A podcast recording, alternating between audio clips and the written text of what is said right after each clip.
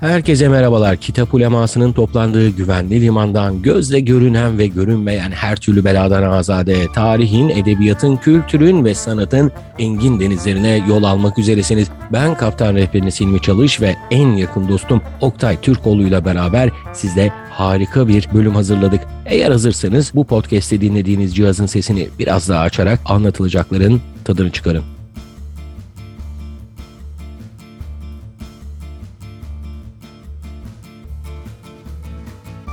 Uzunca bir süre sonra yeniden merhabalar olsun efendim. Hoş geldiniz, sefa geldiniz, ne niyetinizde geldiniz. Beklettik farkındayım ama tamamen duygusal nedenlerden ötürü belli bir süre ara vermemiz gerekti. Hem benim hem Oktay'ın e, belli bir süredir arka arkaya Türkiye'nin farklı noktalarına turlar yapmak mecburiyetinde kaldım. E, Oktay'ın da tabii akademik çalışmaları devam ediyordu. Hatta geçenlerde bir e, akademik sunum da yaptı bir sempozyumda. Ondan da bahsederiz birazdan kısaca. E, böyle araya bir reklam arası veya asıl uğraşlarımızla ilgilenmek için mecburi bir mola girmesi gerekti. Ama olsun tüm heyecanımız ve tüm hevesimizle beraber burada karşınızdayız. Size çok önceden sözünü verdiğimiz Ahmet Hamdi Tanpınar 5 şehir ve 5 şehir içinde İstanbul bölümünü konuşmaya hazır nazır ve heyecanlı bir şekilde bekliyoruz diyerek uzunca süredir benim bu girişi bitirmemi bekleyen Oktay'a da bir selam verelim. Hoş geldin Oktay. Hoş bulduk. Teşekkür ederim. Nasıl geçti seninle görüşmediğimiz süre boyunca neler yaptın? İyi her şey yolunda.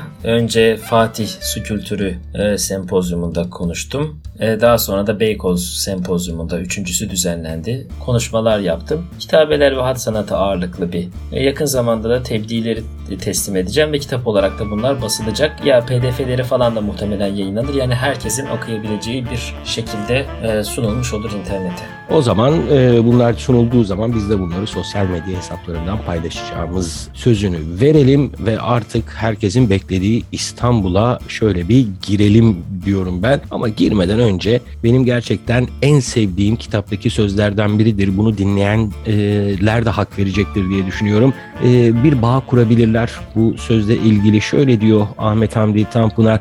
İstanbul ya hiç sevilmez yahut çok sevilmiş bir kadın gibi sevilir. Yani her haliyle, her özelliğiyle çıldırarak diye böyle o kendine ait İstanbul sevgisini de böyle dile getirmiş. Sen e, hangi sınıfa giriyorsun? Ya ifrat ve tefritten kaçınmamız gerektiğini düşünen bir yapıya sahibim ben. Ne nefret etmek ne çok sevmek ama İstanbul mevzu bahis olunca kendini ister istemez yani o çok sevdirmek, çılgınca sevmek kısmına dahil ediyor sizi. Dolayısıyla Tanpınar'la aynı fikirde olduğumu söylemem gerekiyor bu konuda. Ben de fazlasıyla her haliyle severim. Yani e, zaman gelirse o trafiği, kalabalığı, toplu taşımalardaki onun bile kendine has bir e, sempatisi var diyeyim artık bilmiyorum. Çünkü burası İstanbul ve e, eskilerin dediği gibi başka İstanbul yok. Ahmet Hamdi Tanpınar'ın e, vurguladığı İstanbul farklı bir İstanbul. Özellikle kitabın ilk bölümünde bir hatıra e, bizimle paylaşıyor. E, onun Kerkük günlerinden paylaşıyor. Orada bir yaşlı kadın varmış. Dedik ya babası kadı ve Osmanlı topraklarında farklı farklı yerlerde görev yapmış. İşte e, henüz daha çocukken Ahmet Hamdi orada yaşlı bir kadın görmüş ve kadın garip bir şekilde hasta olduğu zaman tılsım gibi İstanbul'un sularını saymış. Hangileriydi onlar? Bir sen de e, paylaşsana. Tanpınar diyor ki daha en başında İstanbul hmm, faslının İstanbul'un sularından, şifalı sularından bahsediyor Tanpınar. Arap kadın hastalanır. Humma başlar başlamaz da İstanbul'un sularını sayıklarmış. Çırçır, karakulak, şifa suyu, hünkar suyu, taşdelen, sırmakeş daha, so- daha çok işte İstanbul'un Anadolu yakasından Beykoz civarından çıkartılan İstanbul sularını böyle sayıklarmış, zikredermiş kendisi. Ve bunların e, ona şifa getireceğini, sadece adını saymanın bile şifa getireceğini düşünüyor değil mi? Evet öyle. Zaten e, bu bahsin dışında İstanbul'un suları yani İstanbul su bakımından fakir bir kentti. Dolayısıyla İstanbul'a su taşımak için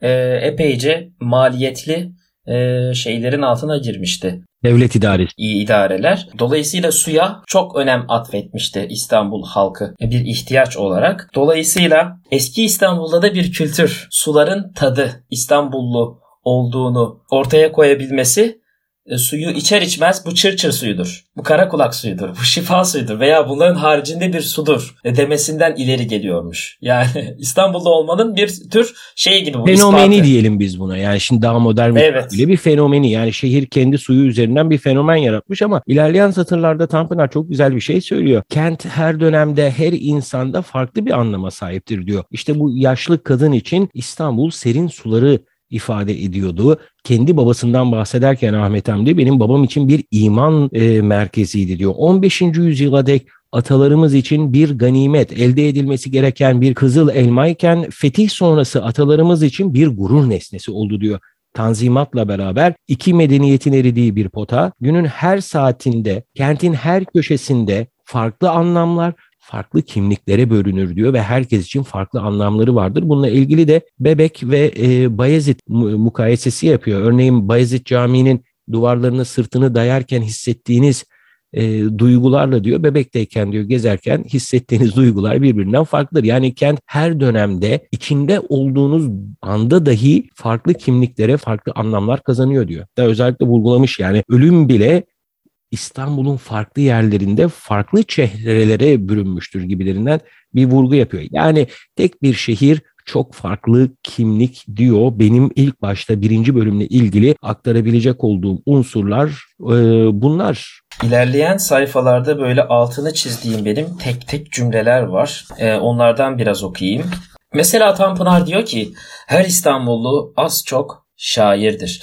İnsanı şair eden bir kent tahayyül ediyor. Ve hatta şöyle diyor seni tamamlamak için söyleyeyim. Sanat aşk gibidir diyor. İnsanı kandırmaz. Sadece susatır diye de böyle Ee, yani beş şehri yalnızca şehirler hakkındaki monografiler olarak e, algılamayalım. Aynı zamanda beş şehri okursanız Instagram'da post olarak yayınlanmak Evet. üzere çeşitli şeyler de elde edebilirsiniz. Bu- Bunu da söyleyelim buradan. içinden aforizmalar çıkar diyorsun. Tabii inanılmaz aforizmalar var. Ahmet Hamdi Tanpınar'ın romanlarında da öyledir zaten. Ya inceleme kitabında 19. yüzyıl Türk Edebiyatı tarihinde bile Hı hı. E, aforizma doludur. Yani Tanpınar'ın dili öyle. Mesela diyor ki gümrükten geçen her şey Müslümanlaşıyor. Oo güzel. Bir şey bölümü var. Orası çok hoşuma gidiyor. Oraya bir gelelim istiyorsan biraz da ilerlemiş oluruz.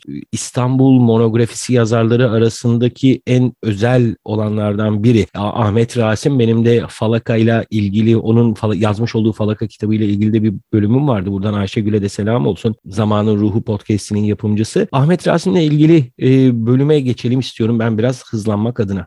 Ya orada çok keyifli bir şey anlatıyor. Yani Ahmet Rasim'le nasıl karşılaştığını anlatıyor aslında Ahmet Hamdi Tanpınar. En başta diyor ki onun gibi yaşadığı şehrin üstüne eğilmiş ve bir ses makinesi gibi her duyduğunu kaydetmiştir. Çok yazan bir yazar Ahmet Rasim. Bugünlerde pek bilinmese de kendisi e, çok meşhurdur. Onunla karşılaşma hikayesini anlatıyor bir paragrafta. Heybeliada'da deniz kıyısında bir meyhanede rast gelmiş Ahmet Hamdi Tanpınar. E, kafasında tabii böyle inanılmaz bir Ahmet Rasim e, tablosu var. Sözünü kestim şeyi hatırlıyor musun? Saray ve Ötesi kitabında bahsederken Uşaklıgil'in Pierre Loti ile karşılaşması vardı. Çok büyük bir Evet, ka- karşılaşıyor.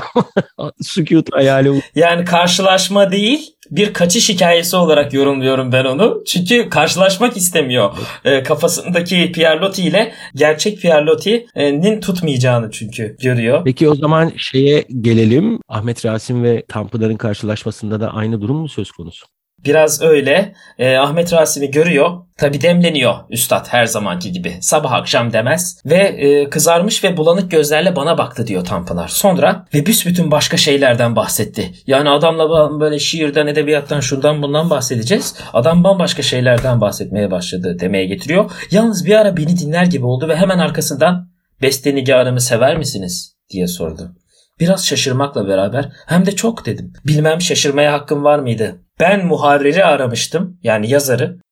Karşıma musiki şinas çıkmıştı. Bestenigarın hikayesi eski hayatımızın bütün bir tarafıdır diyor ve Ahmet Rasim'in yani Tanpınar'ın Rasim'le karşılaşması böyle bir sükutu hayal. Neler var başka senin heybende bakalım.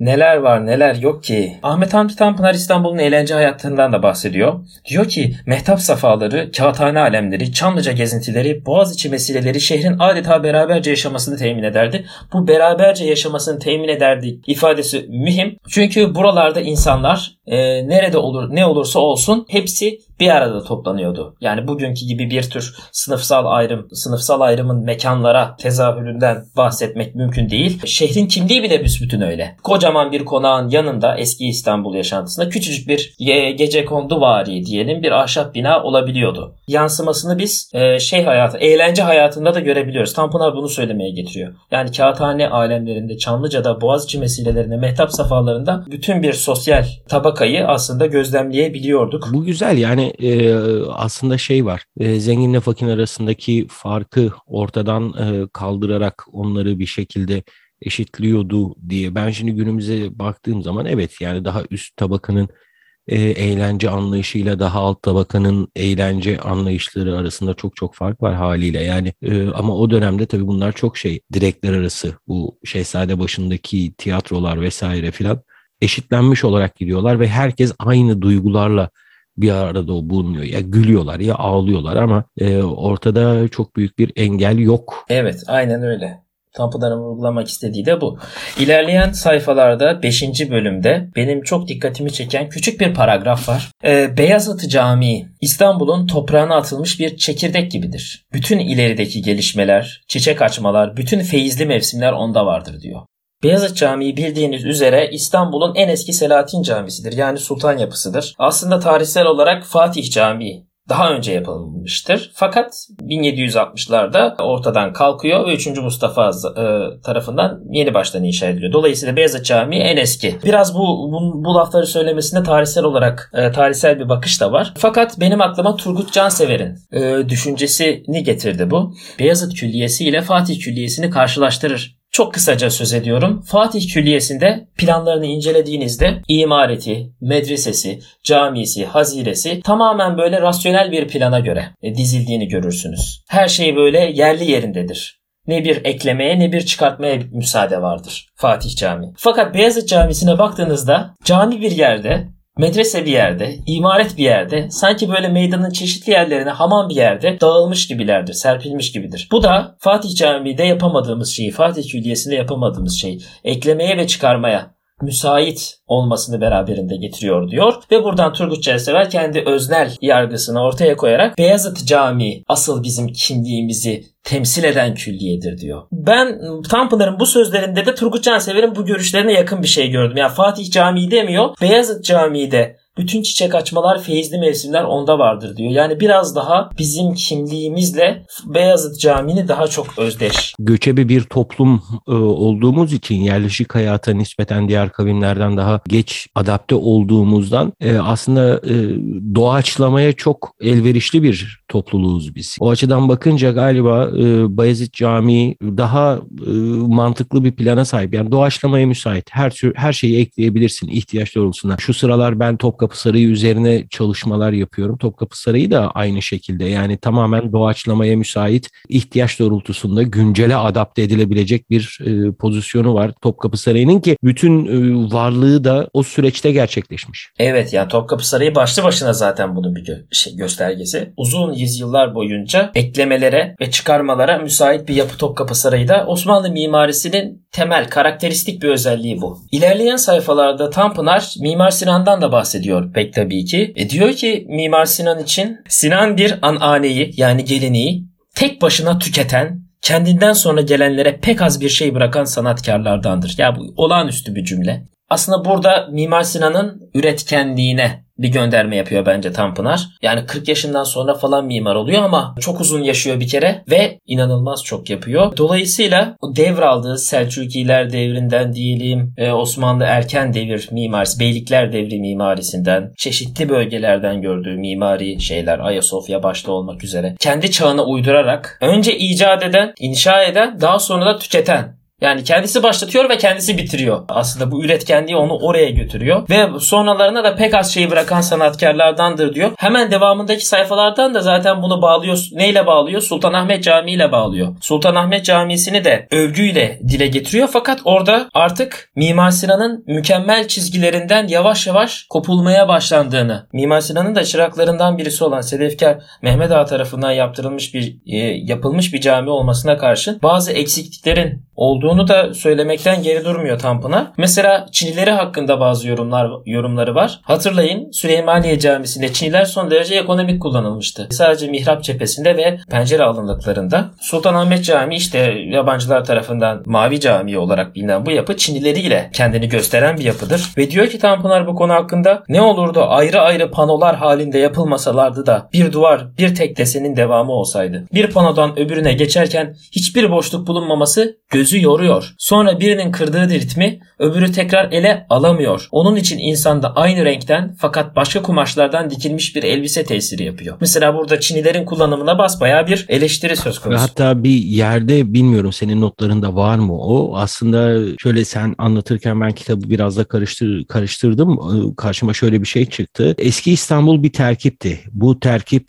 küçük büyük, manalı manasız, eski yeni, yerli yabancı, güzel çirkin bir yığın unsurun kaynaşmasından doğmuştu diyor. Evet bir terkipti İstanbul ve galiba onun bu düşüncesini de somutlaştıran şeylerden bir tanesi bu Sultanahmet ve Mimar Sinan'ın eserlerinde olan mukayese olarak değerlendirebiliriz. Bir terkip vardı, bir düzen vardı. Her şey orada kendi içinde bir kaynaşma sergiliyor. Aslında e, benim Mimar Sinan'la ilgili yapmış olduğum bölümlerde şey vardı. e, Mimar Sinan bir araya gelemeyecek unsurları güzel bir dengeyle bir araya getirerek e, ortaya koyduğu eserlerinde bunu sergileyebiliyordu. Sinan bir mimarken Sedefkar Mehmet sanki bir heykeltıraş gibi tamamen kusursuzlaştırmaya çalışmış yapmış olduğu eseri. E, o yüzden de o terkipten uzaklaşıyor. Belki de bu şekilde değerlendirebiliriz e, Tanpınar'ın söylemiş olduğu sözü bilmiyorum. Hani sen katılır mısın katılmaz mısın buna? Tanpınar fikriyatının olmazsa olmaz parçası terkip fikridir zaten. Onu önceki programlarda da konuşmuştuk sanıyorum ki. Yalnızca doğu ya kendini kapatmak ve yalnızca batıya kendini kapatmak değil. Fakat bu ikisinin bir karışımı, otantikliği muhafaza ederek tabii. Şarklıysan şarklılığın gerekliliğini bir hakkın yerine getirerek e, batılı olmak diyebiliriz buna. Kısaca bu bölümde Tanpınar kaç mimari yapıdan daha bahsediyor. Mesela Eminönü'ndeki Yeni Valide Camii Hatice Turhan Sultan tarafından tamamlanan masal gemisi duruşunda diyor.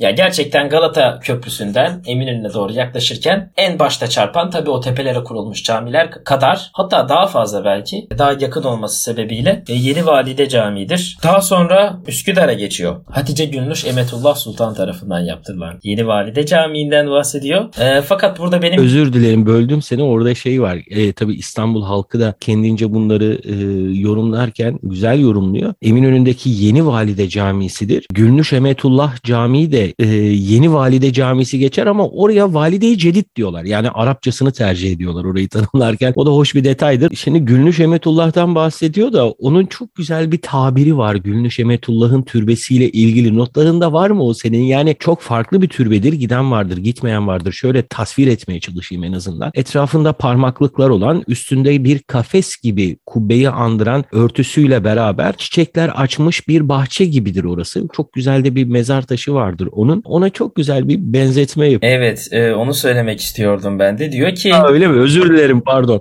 gelin yatağı olarak tanımlıyor ve diyor ki eşsiz bir zifaf odasında yatıyor. Yani bu da gerçekten Tanpınar'a yakışan bir e, tasvir. Öyle e, sanat tarihsel bir tanım falan değil bu ama oldukça çarpıcı. Ee, bu iki camiden başka aslında uzun uzun anlattığı camiler de var ama benim en çok hoşuma giden tasvirlerden bir tanesi Ahmet Hamdi'nin Süleymaniye ile ilgili söylediği bir söz vardır. Ee, Süleymaniye'nin ilk yapıldığında ben eğer orada olsaydım diyor beni o kadar etkilemezdi diyor. Benim için önemli olan diyor Süleymaniye'nin diyor tanık olduğu olaylarla beraber yılların biriktirmiş olduğu kültürel bir mirası biz bugün görüyoruz ve yaşıyoruz ve Süleymaniye böylelikle anlam kazanıyor gibilerinden bir söz söylüyor. Ben de buna katılıyorum. Hatta şöyle bir baktığım zaman özellikle vurguladığı bir şeyler vardır ya onun kültürel aktarım bugünkü bütün problemimizin e, geçmişten gelen kültürün kopukluğu ve bizim ona karşı dirençsizliğimiz aslında bir ayağımızın topal kalmasına neden oluyor diye düşünüyorum. Sen ne düşünüyorsun? Gerçekten senin için de öyle mi? Sen de Süleymaniye'yi e, ilk yapıldığı zaman görseydin e, böyle mi hissederdin?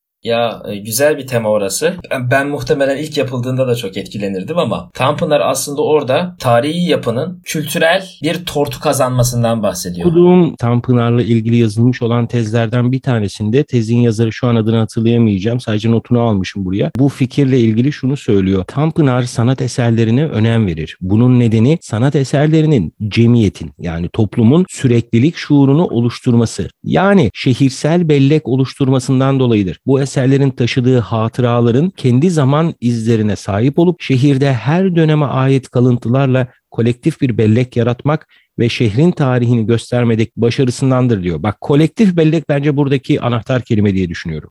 Evet yani az çok zaten benim söylediklerime de paralel sanki bunlar. Yani hatıra, bellek. Nitekim Tanpınar sonlarına doğru bu bahsin, İstanbul bahsinin muhakkak ki bu eski şeyleri kendileri için sevmiyoruz diyor. Bizi onlara doğru çeken bıraktığı boşluğun kendisidir. Orada benim öğrendiğim şey vardı. Özellikle Süleymaniye çevresinde öyle küçük bir yürüyüş yapar ve o Tiryakiler Çarşısı denilen yerde e, yalancı şahitler varmış orada galiba. Aa evet ama sen daha iyi anlatırsın bunu ya. Tanpınar o bölgedeki olayları canlandırırken, insanları canlandırırken bir taraftan da bir takım aktarımlarda da bulunuyor. Fetva yokuşu vardır. Eğer Süleymaniye'ye gidecek olursanız Mimar Sinan Türbesi'nin bir yanından doğru gelir. Sonunda günümüzde İstanbul Müftülüğü olarak kullanılan bina Osmanlı döneminde Babı Meşihat yani Şeyhülislamlık makamıydı ve bazı e, davalar orada görülürdü. Kadı huzurunda vesaire. İşi olan bazı insanlar durumu kendilerine yontmak adına yalancı şahitler tutarlardı. E tabii bir kişiyi de gözünün içine bakarak e, yalancı şahit diye tanıyamayacağınıza göre günümüzde o kuru fasulyecilerin olduğu yerde Tiryakiler Çarşısı'nda kahvehaneler varmış. Mesleği yalancı şahitlik olan insanlar kahve fincanlarına kırmızı bir iplik bağlarlarmış ki uzaktan gören davası olan kendi işini oldurmak için bir takım e, madrabazlık peşinde koşan eski İstanbul argısı kullanalım biraz da e, madrabazlık peşinde koşan adamlar uzaktan bu kırmızı iplikli fincanda kahve içen adamları görüp ha bunlar bak e, yalancı şahit benim işime yararlar davadan önce diye gidip onlara e, ücretleri karşılığında iş teklif ederlermiş. Böyle de değişik bir şey öğreniyoruz. Ahmet Hamdi Tanpınar'dan adalet sisteminin çürümesiyle alakalı günümüzden geçmişe bir bakış yaptık diye kıssadan hisseyi de çıkartmış olalım. Evet ve buradan nereye uzanalım? Nereye uzanalım bilmiyorum. Sen notlarına git. Ben yani e, her her yere git. E, Tanpınar bitmez. Beş şehrin sırları sona ermez. E, bazı e, kısa cümleler okum, okuyarak devam edelim bence. Diyor ki Tanpınar İstanbul büyük mimari eserlerinin olduğu kadar küçük köşelerin sürpriz peyzajların da şehridir. Önemli mimari anıtlardan bahsettik ama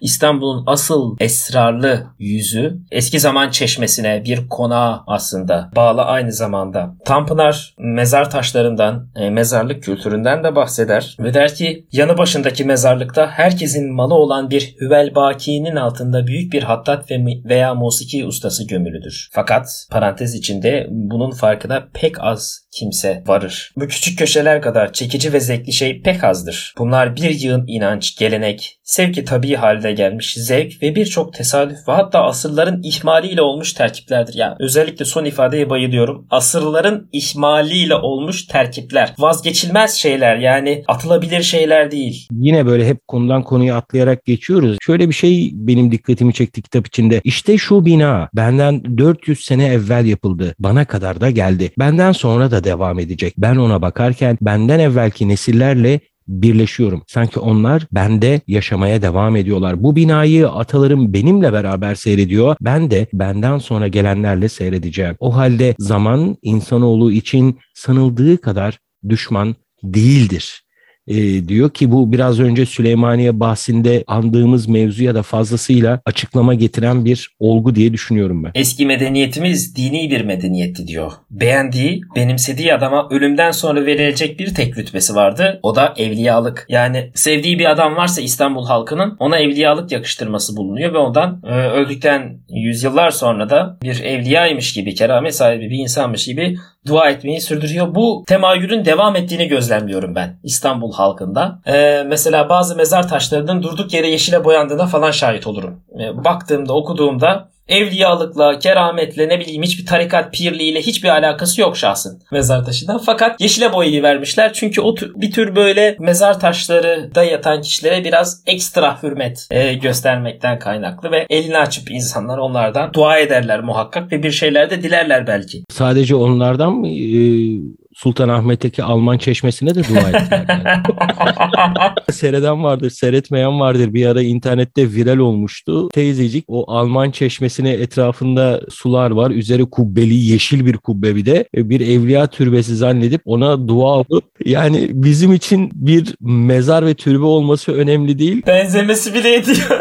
Ama bak burada şöyle bir şey var Oktay. Yine hani Tanpınar'a dönecek olursak e, günümüzde yaşadığımız sorunla ilgili altını çizdiği çok önemli bir husus var. Aslında Tanpınar değişimi onaylıyor, değişimi destek. Onun muhalefet e, şerhi koyduğu niteliksiz bir değişim. Bu şehir üzerinde de böyle, toplum özelinde de böyle. Bunu itiraf etmek lazım. Hatta maddi imkansızlık nedeniyle estetik ve gereğiyle yapılmamış olan değişime çok ciddi bir muhalefet ediyor. E, şehrin geçmişle olan bağının kopması niteliksiz bir düşünce yapısı yaratıyor. İşte bundan dolayı da e, güldüğümüz, eğlendiğimiz sahneler ortaya çıkıyor. İlerleyen sayfalarda ise Ahmet Hamdi Tanpınar e, Sümbül Sinan Hazretlerinden evliyalık dedik ya Onunla bağlantılı olarak Sümbül Efendi'den bahsediyor. Merkez Efendi'den bahsediyor. Üstadı Yahya Kemal Beyatlı'dan bazı dizeler bu bölüme koymuş Tanpınar. O dizeler Yahya Kemal'in çok ünlü Koca Mustafa Paşa şiirinden. Koca Mustafa Paşa değil, Koca Mustafa Paşa. Doğru ya.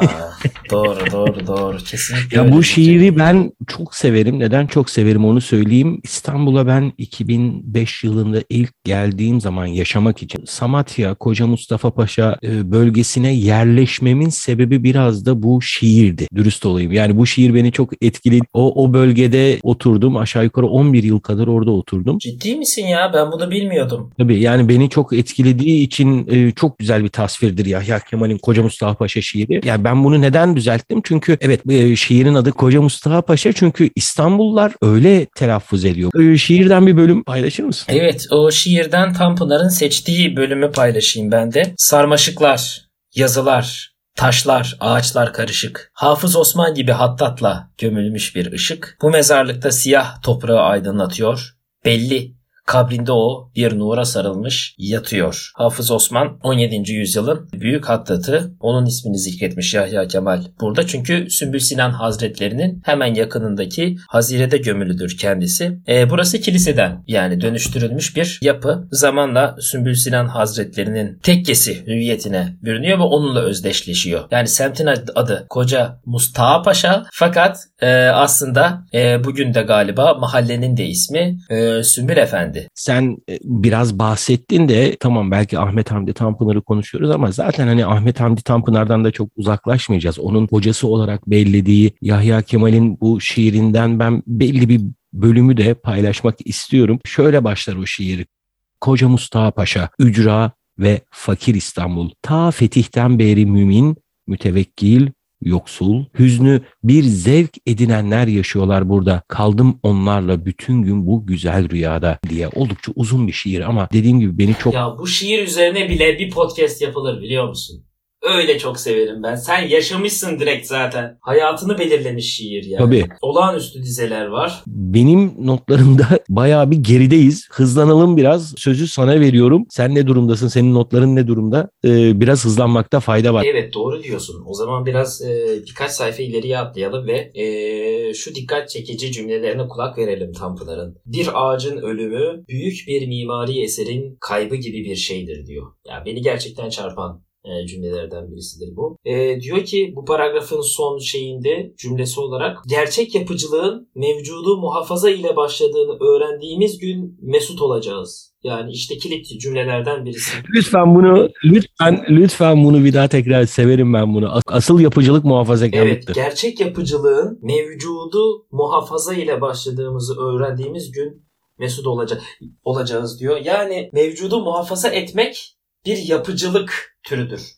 Yani yeni baştan bir şeyler inşa etmek yerine e, sosyal bilimlerde o çok bilinen geleneğin icadı kavramından hareketle düşünürsek yeni bir şeyler tasarlayarak, inşa ederek geleneği icat etmek değil, mevcudu muhafaza ederek. Çünkü Tanpınar'ın dediği bu yapıcılık mevcudu muhafaza etmekle temin ediliyor. Gelenek icat ederek, yeni şeyler yaparak ne de böyle geçmişe saplanıp aa şu yıkıldı, bu yıkıldı, ah şu geri gelse, ah bu geri gelse diye hayıflanmak. Yani tam olarak içinde bulunduğumuz anın kıymetini bilmek aslında. Sonuna kadar katılıyorum. Buna en güzel örnek de Cezayirli Hasan Paşa kışlası diye vereyim. Ben Güncel, bayağı güncele bağlı. Açmaz. Güzel. Bayağı güncel bilen vardır bilmeyen vardır. Kasımpaşa'da 3. Selim döneminde yapılmış olan ki kendisi de mühendishaneyi Bahri Hümayun ve Berri Hümayun olarak ileride İstanbul Teknik Üniversitesi'ne e, evrilecek olan kurumu kuran e, Cezayirli Hasan Paşa'nın yaptırdığı bir donanma üssü vardı artık miadını doldurduğu ve yıkılıp yeniden yapılmasının daha iyi olacağına kanaat geçirdiği ekabir tayfa. E, hal böyle olduğu zaman da mevcudu yıkıp yeniden yaptılar, muhafaza etmediler ki genelde e, bunu yapanların da muhafazakar olması bayağı manidar diye ufak bir siyasi hicivle konuyu sana bırakıyorum. Fazla e, konuşmak istemiyorum ki dava açmasın. Şairlerden bahsediyor. E, Bakisinden, Nefisinden, efendim e, Nedim'inden ya onların oturdukları yerleri bilmiyoruz diyor. Bunun için e, üzüntü duyuyor Tanpınar. Yalnızca e, Nedim'in bir beytinden hareketle oturduğu yeri e, tahmin edebiliyoruz. Nerede yaşadı Tanpınar? Onun yaşadığı yer hala duruyor mu diye ufak bir ya Narman Nahan'a gönderme yapıyor, ya, yapmak istiyorum. E, Ahmet Hamdi Tanpınar tıpkı üstadı Yahya Kemal gibi evsizler e, cemaatine mensuptu. Öyle söyleyebiliriz. Yani belli oturdukları bir yer pek söz konusu değildi. Ki Tanpınar'da onun çizgisini devam ettirir. Hem evsiz hem bekardır kendisi. Fakat işte Narmanlı Han mesela İstiklal Caddesi üzerindeki e, kiracı olarak kaldığını biliyoruz. Yani Ahmet Hamdi Tanpınar'ın da bugüne kalan Yahya Kemal'in de böyle hani şurada yaşadı, şurada vefat etti e, diyebileceğimiz bir yer yok maalesef. Valla e, mecburen artık burada bitiriyoruz. Koca Mustafa Paşalar, Yahya Kemaller, onlar bunlar bayağı bir girdik dolaştık ve e, bitiremedik en ufak detayına kadar Ahmet Hamdi ve İstanbul'un hakkını vereceğimizden yana herhangi bir şüpheniz olmasın değerli dinleyiciler. Anlayışınıza sığınıyoruz. Daha sonraki bölümde yeniden görüşme temennisiyle hepinize sevgi, sağlık ve esenlik dileyerek huzurunuzdan ayrılıyoruz efendim.